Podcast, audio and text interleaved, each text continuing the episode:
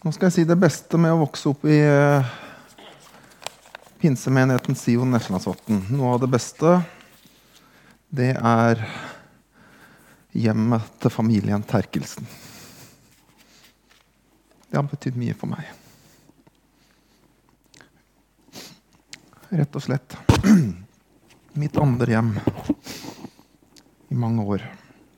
Sammen med min bestekamerat Arvid, som, eh, fant ut at han skulle, som bor her i Skien. Men fant ut at når jeg flytta hit, så flytta de til Spania med Sjømannsmisjonen. Men nå har de kommet på andre tanker og kommet hjem igjen, så det er veldig koselig.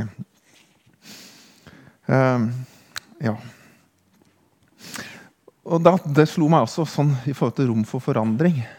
Jeg kan huske den dagen jeg møtte eller Vi hadde jo vært en del av menigheten i mange år, vi som små gutter. Men det er kanskje sånn ni-ti år gammel, så plutselig så oppdager vi hverandre, og så skjønner vi at vi, er, vi bare må bli bestevenner. Og det har jo vært livet fram til nå. Så forandring Vi kan snakke mye om det, men det handler mange ganger om å møte noen. Da forandres vi når vi møter noen. Vi forandres når vi møter hverandre, så derfor er det fint og viktig å komme til kirken. For da også forandres vi. Men du, om du ser tilbake på livet ditt, altså prøver å tenke etter Når opplevde du mest forandringer? Jeg tror ofte at vi må svare at det var i eh, barndomstida og ungdomstida vår. Apropos. For det er jo litt sånn underlig å følge med på egne barn. da.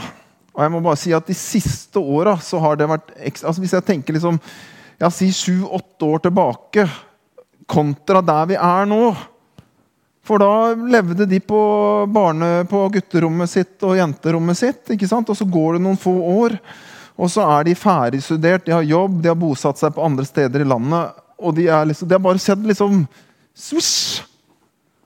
Mens jeg, jeg derimot Hva har skjedd her? Jeg har fått skjegg. Det liksom, men, men det, det, er liksom det. Så er det sånn at vi opplever endringer ellers i livet også. Det er jo noen av oss som har bytta jobb, f.eks. Eller vi kan flytte på oss. Så vi har opplevd noen endringer, Linda og meg, også de siste åra. Vi må jo si det. Eller så kan det være helt andre ting. Da. Det kan være tapsopplevelser eller relasjonsbrudd. Det er så mange ting vi møter i dette livet som også kan skape forandring. Men allikevel så er det noe spesielt med ungdomstida. Og så er det jo sånn at etter hvert også så, så blir vi litt sånn da, at, at, det er veldig fort at vi venner oss til ulike ting. Vi, setter, vi, lager oss våre vaner som voksne. Der mulighet for forandring ja, det er så vanskelig. Det blir nesten ikke mulighet, altså ikke, Den muligheten er nesten ikke til stede. Vi blir liksom grodd fast i livsmønster og tankemønster. Men hvorfor er det sånn? Jeg blir glad når jeg hører følgende sagt. Men jeg kjenner at det er litt sånn delt glede. Jeg blir både glad og litt lei meg. Det er når folk sier, og man fortelles om at de aller fleste mennesker som kommer til tro på Jesus, gjør det når de er barn, når de er ungdommer. Så kjenner jeg at jeg på en side er kjempeglad, fordi det er så bra. Tenk at så mange møter Jesus. Eksempel, som Anne forteller, at det har liksom bare vært en naturlig del av livet opp gjennom. Og jeg forstår det. Og fremdeles er det sånn, det må jeg bare si, Anne, fremdeles når jeg hører historien om David, så ser jeg for meg Karin på barnemøtene som henger det opp på Betty Lukens ikke sant? Ja, det er Hvorfor er det sånn? Jo, jeg blir glad når jeg hører at barn og unge ikke sant? Men, men, men hvorfor er det sånn at ikke voksne kan i større grad komme til tro? Jeg kan kjenne at jeg blir litt sånn trist når jeg hører det. Og det er sikkert ulike grunner. Men jeg tror at en av disse grunnene det er akkurat dette her at vi, har så vanskelig for da, å bryte ut av disse livs- og tankemønstrene som, som, vi har vent oss til. Ja, jeg tror det faktisk er sånn. Av min erfaring det er sånn at det er rundt forbi så er det faktisk mange flere som tror enn det som, enn det som går i kirken, f.eks. For eksempel. Fordi det å skulle venne seg til en kristen livsstil, for å kalle det på den måten, det blir, det blir for vanskelig. Det, det liksom passer ikke inn i de rutinene man allerede har skapt seg. Og så kunne jeg på en måte ha sagt at ja, men du trenger ikke å bryte med den livsstilen.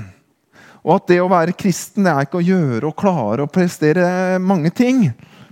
Men det er enkelt å tro og ha tillit til at det Jesus gjorde på korset, holder for meg og deg. Og det tror jeg virkelig på! Men jeg tror samtidig at det er gode nyheter.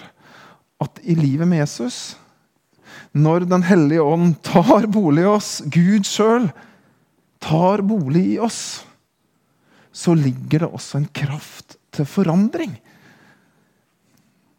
For om jeg snakker til meg sjøl like mye som jeg snakker til dere For er det sånn at alt du har, og alt du gjør nå, er akkurat sånn som du vil det? Er, er du mett, mett, på livet, mett på forandringer? Tenker at nei, nå er det bare å dra opp i årene og så, og så la båten liksom bare suse inn i himmelen? Eller er det livsmønster som du gjerne skulle brutt ut av? Eller tankebygninger du ville ha kasta på dør? Eller er det plager du bærer på som du tenker at nei, det er helt sikkert mitt lodd å bære med meg dem til grava? Men hvis du er ærlig mot deg sjøl, så, så, vil du si at det skulle du gjerne ha blitt kvitt. Altså, Fins det rom for forandring? Det er litt av disse bakgrunnen for dagens tema. Rom for forandring. Så er det bilde av noen pupper og en sommerfugl som holder på å bryte fram til et nytt liv. Det er en underlig bibelfortelling jeg har lyst til å lese for dere i dag. Fra Johannes kapittel 5. Og der står det sånn Ved saueporten i Jerusalem ligger en dam som på hebraisk heter Betesta. Den er omgitt av fem bueganger.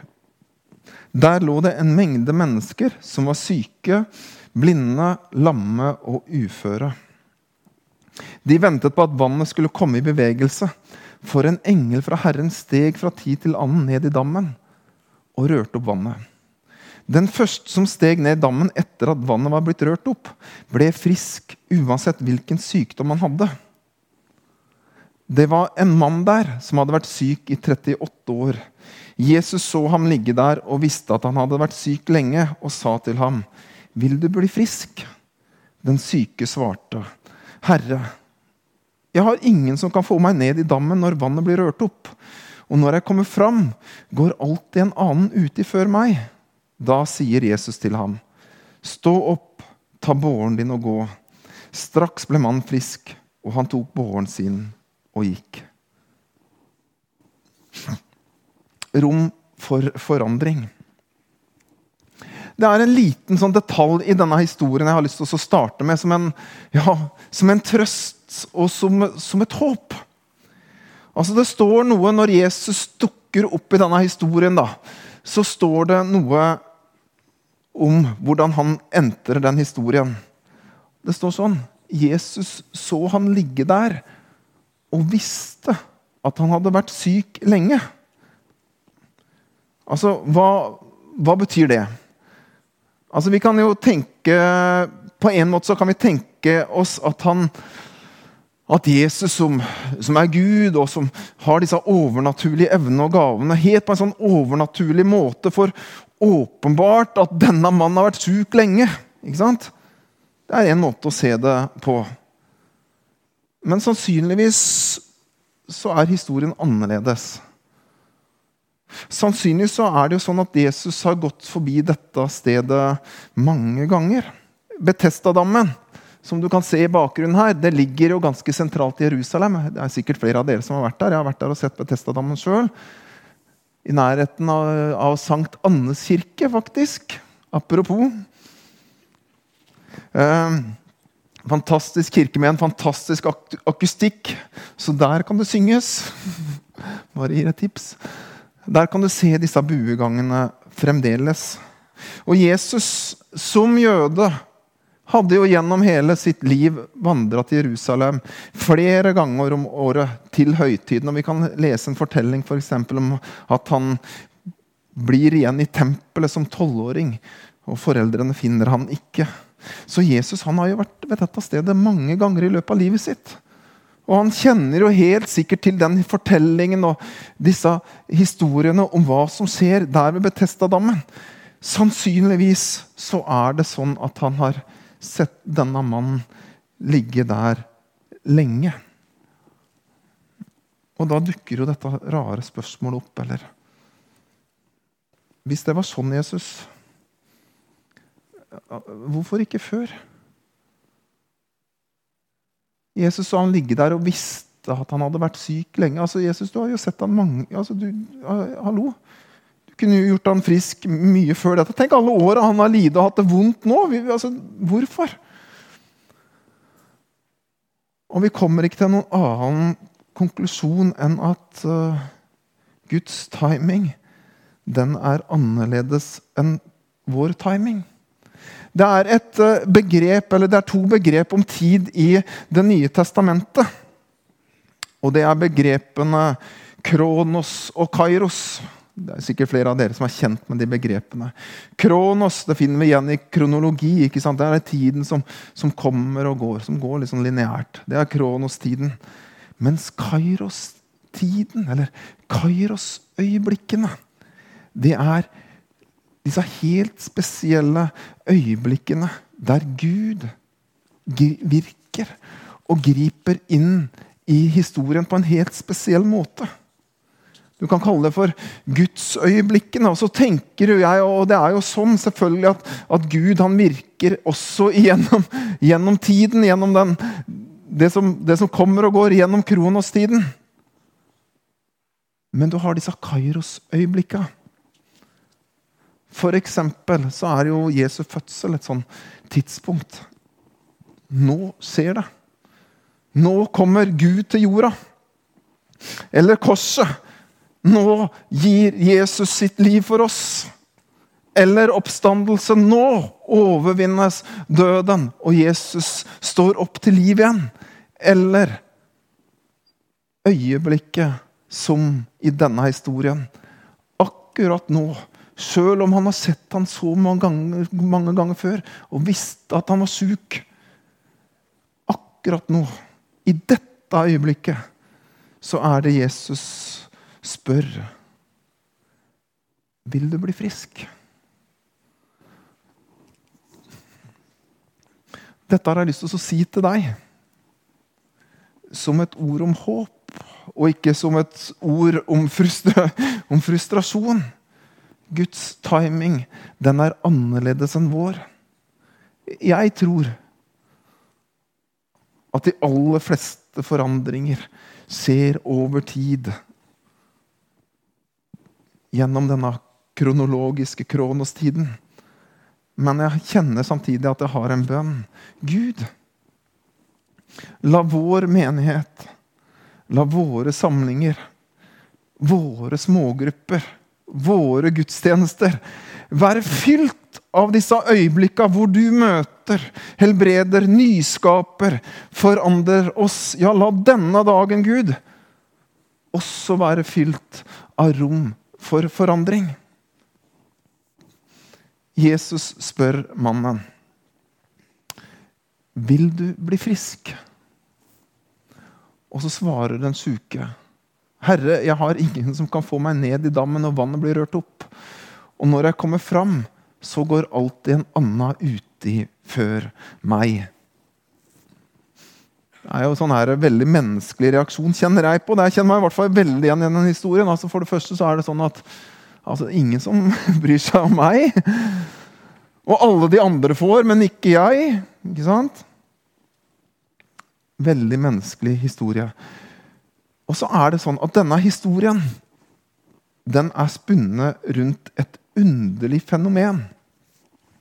Iblant så kommer det en engel og så rører i dette vannet. Og når det skjer, da er det førstemann ute i vannet. Og den første som rekker å komme uti, den blir frisk. Og for å si det sånn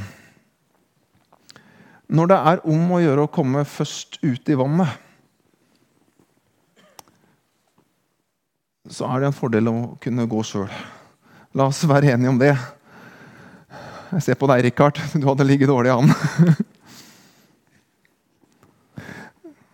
Vi veit ikke om han er lam, men han er bundet til en båre. Det, det forteller en historie i oss. Så denne denne her, det, For han så er dette en tapt sak i utgangspunktet. Altså Det er rett og slett umulig. Han har vært sjuk i 38 år, og her, ved Betestadammen, så er han dømt til nye tapsopplevelser og nye nederlag. Han kommer aldri til å komme ut i dette vannet først. Men nøden, den er så sterk, ønsket så sterkt, at allikevel så er det akkurat hit. Han kommer dag etter dag, måned etter måned, år etter år. Fordi det, det kan jo kanskje hende at Men innerst inne så veit jeg at jeg kommer til å dra hjem skuffa i dag også. Som i går. Som i forrige uke. Jeg har lyst til å problematisere denne historien litt. da. Litt sånn litt, litt teologi. Hva er dette fenomenet egentlig? Var det virkelig sånn at det kom engler som rørte opp i vannet? Eller ligner dette på fortellinger som vi kan høre om rundt og forbi, om, om mirakler som kan se om du besøker bestemte steder, eller kysser eller berører, bestemte figurer. Vi som har vært i Jerusalem, f.eks. og besøkt Golgata. Det er jo faktisk det du ser bilde av her. Det er kirken som er bygd over Golgata. Litt nedenfor her så er det også, en, så er også Jesu grav. Der er det til og med bygd en kirke over kirken. Og så er det en liten flik, flik, av det gamle Golgata som fremdeles du kan, du kan se. Men det, hvis du skal komme dit og berøre, så må du, må du stå i lang kø. For det er hundrevis, tusenvis som ønsker å komme til dette stedet for å kysse det. For om kanskje Gud gjennom det kan gjøre et mirakel i mitt liv. Eller vi kan gå til uh, Praha. Til Karlsbroen i Praha. Midt på Karlsbroen i Praha så kan du berøre plaketten ved statuen av Sankt Jan Nepomukki. En martyr fra 1300-tallet. Og hvis du berører den plaketten, da kan du bli velsigna, og så kan det gå deg godt. Og plaketten, som du ser, den skinner som det reneste gull etter nedslitninger av berøringer gjennom åras løp. Og så kan vi sitte i dag og så kan vi smile litt av det hele. Men tenk bak tusenvis av hender som har kommet for å berøre dette stedet, så var det også ganske mange liv i krise, med håp om at, om at kunne løse det. Altså ved behov om forandring, om det er å bli frisk, eller at Gud skal forandre en uløselig situasjon, eller, eller behovet for å bryte med livsmønster som ikke gir rom til det livet jeg aller helst vil leve, så fins det, for å bruke bildet fra bibelhistorien, det fins så mange opprørte dammer å søke i motivasjonskurs og seminarer og kurer og livsstilsråd. Eller mennesker med guddommelige krefter.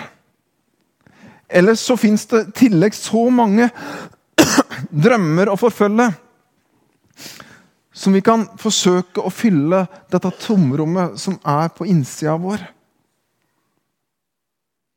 Og så kan vi se mot disse dammene, og så kan vi se at noen dukker opp av dem og forteller at å, dette fungerer så bra for meg.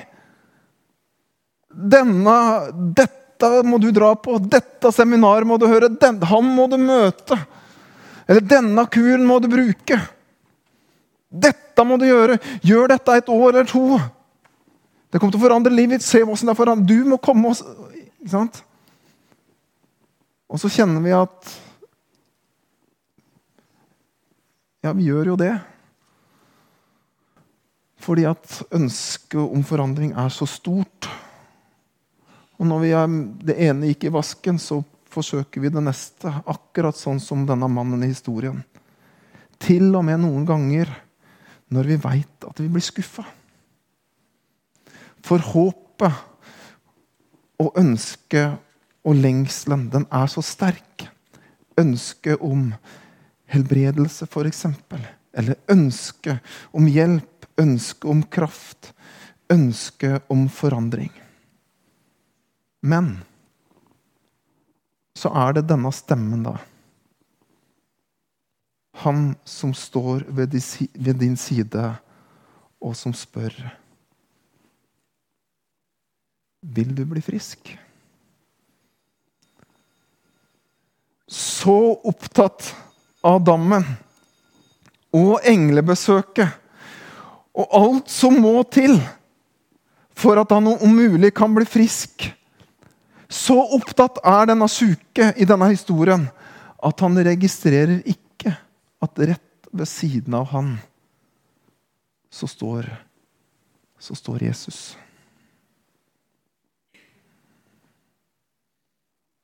Anne tok oss med til noen uh, sanger fra ungdommen i stad. Jesus is the answer for, for the world today. Den sang vi også. Jeg tror det fremdeles, jeg. Ja, det er mitt vitnesbyrd. Det er om en levende, oppstått frelser som jeg har opplevd både har hjulpet og gitt kraft og helbreda og forandra livet mitt. Både i kronos, altså tid over tid, og også i disse gudgitte Kairos-øyeblikkene. Og så tror jeg det er sånn at det er mange i vårt land Jeg tror kanskje vi er der ofte sjøl også. Eller folk i vår omkrets som har gjort som sønnen i Jesu mest kjente lignelse. Nemlig han som forlot hjemmet for å finne svaret på sine innerste lengsler der ute et sted. Men så var det de egentlig trengte, der hjemme. Kanskje Nå går, liksom, går tankene mine litt da, når jeg hører historien til Anne her. Kanskje fordi at man Dette bildet, tanken om hvem Jesus var, og dette livet, for mange var litt sånn litt ødelagt. F.eks.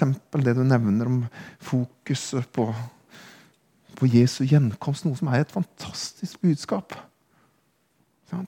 Men, men formidla på en sånn måte at, at det støtter folk bort. Og så tenker man at dette det er ikke noe som Dette forlater vi. Sant? Men allikevel så var det de egentlig trengte der hjemme. Vår far, Gud, Jesus Kristus, som de hadde hørt om hjemme. Som de hadde hørt om av besteforeldre som ba for dem. Som de hørte om når de gikk på søndagsskole, eller eller som de hørte om i ungdomsmiljøet de en gang var en del av. Jeg tror mange til og med har vært så nær at de nesten, nesten berørte Jesus. Men bare egentlig aldri fikk det siste steget til virkelig å, å møte ham. Hvis jeg hadde ikke hadde min hva skal jeg kalle for noe omvendelse til Jesus som 20-åring, så kunne jeg sagt følgende at i 20 år så har jeg hørt og sett både hjemme og i kirka, men, men det, det, hadde ingenting å gi meg. Men da jeg åpna opp for Jesus i mitt livs sterkeste Kairos-øyeblikk, så, så forandra det alt. Men denne mannen måtte gi rom til denne stemmen. Han måtte gi rom til at Gud kunne tale til ham. Til at Jesus kunne få gjøre sin gjerning. Og Jesus spør vil du bli frisk. Det er faktisk påtakelig hvis du begynner å lese historien om Jesus, så vil du oppdage at Jesus gjentatte ganger egentlig stiller dette spørsmålet ganske så mange ganger. Hva er det du ønsker, for eksempel? Det spør han en kvinne som har store drømmer for sine sønner. Hva er det du ønsker? spør han. En gang så møter han noen syke, og så sier Jesus, spør Jesus hva vil du hva vil du jeg skal gjøre for deg? Vil du bli frisk? Jeg har lyst til at dette her skal være et spørsmål eller la dette være et spørsmål fra Jesus til deg i dag. Hva ønsker du? Hva vil du han skal gjøre for deg? Ja. Kom til han med dine behov.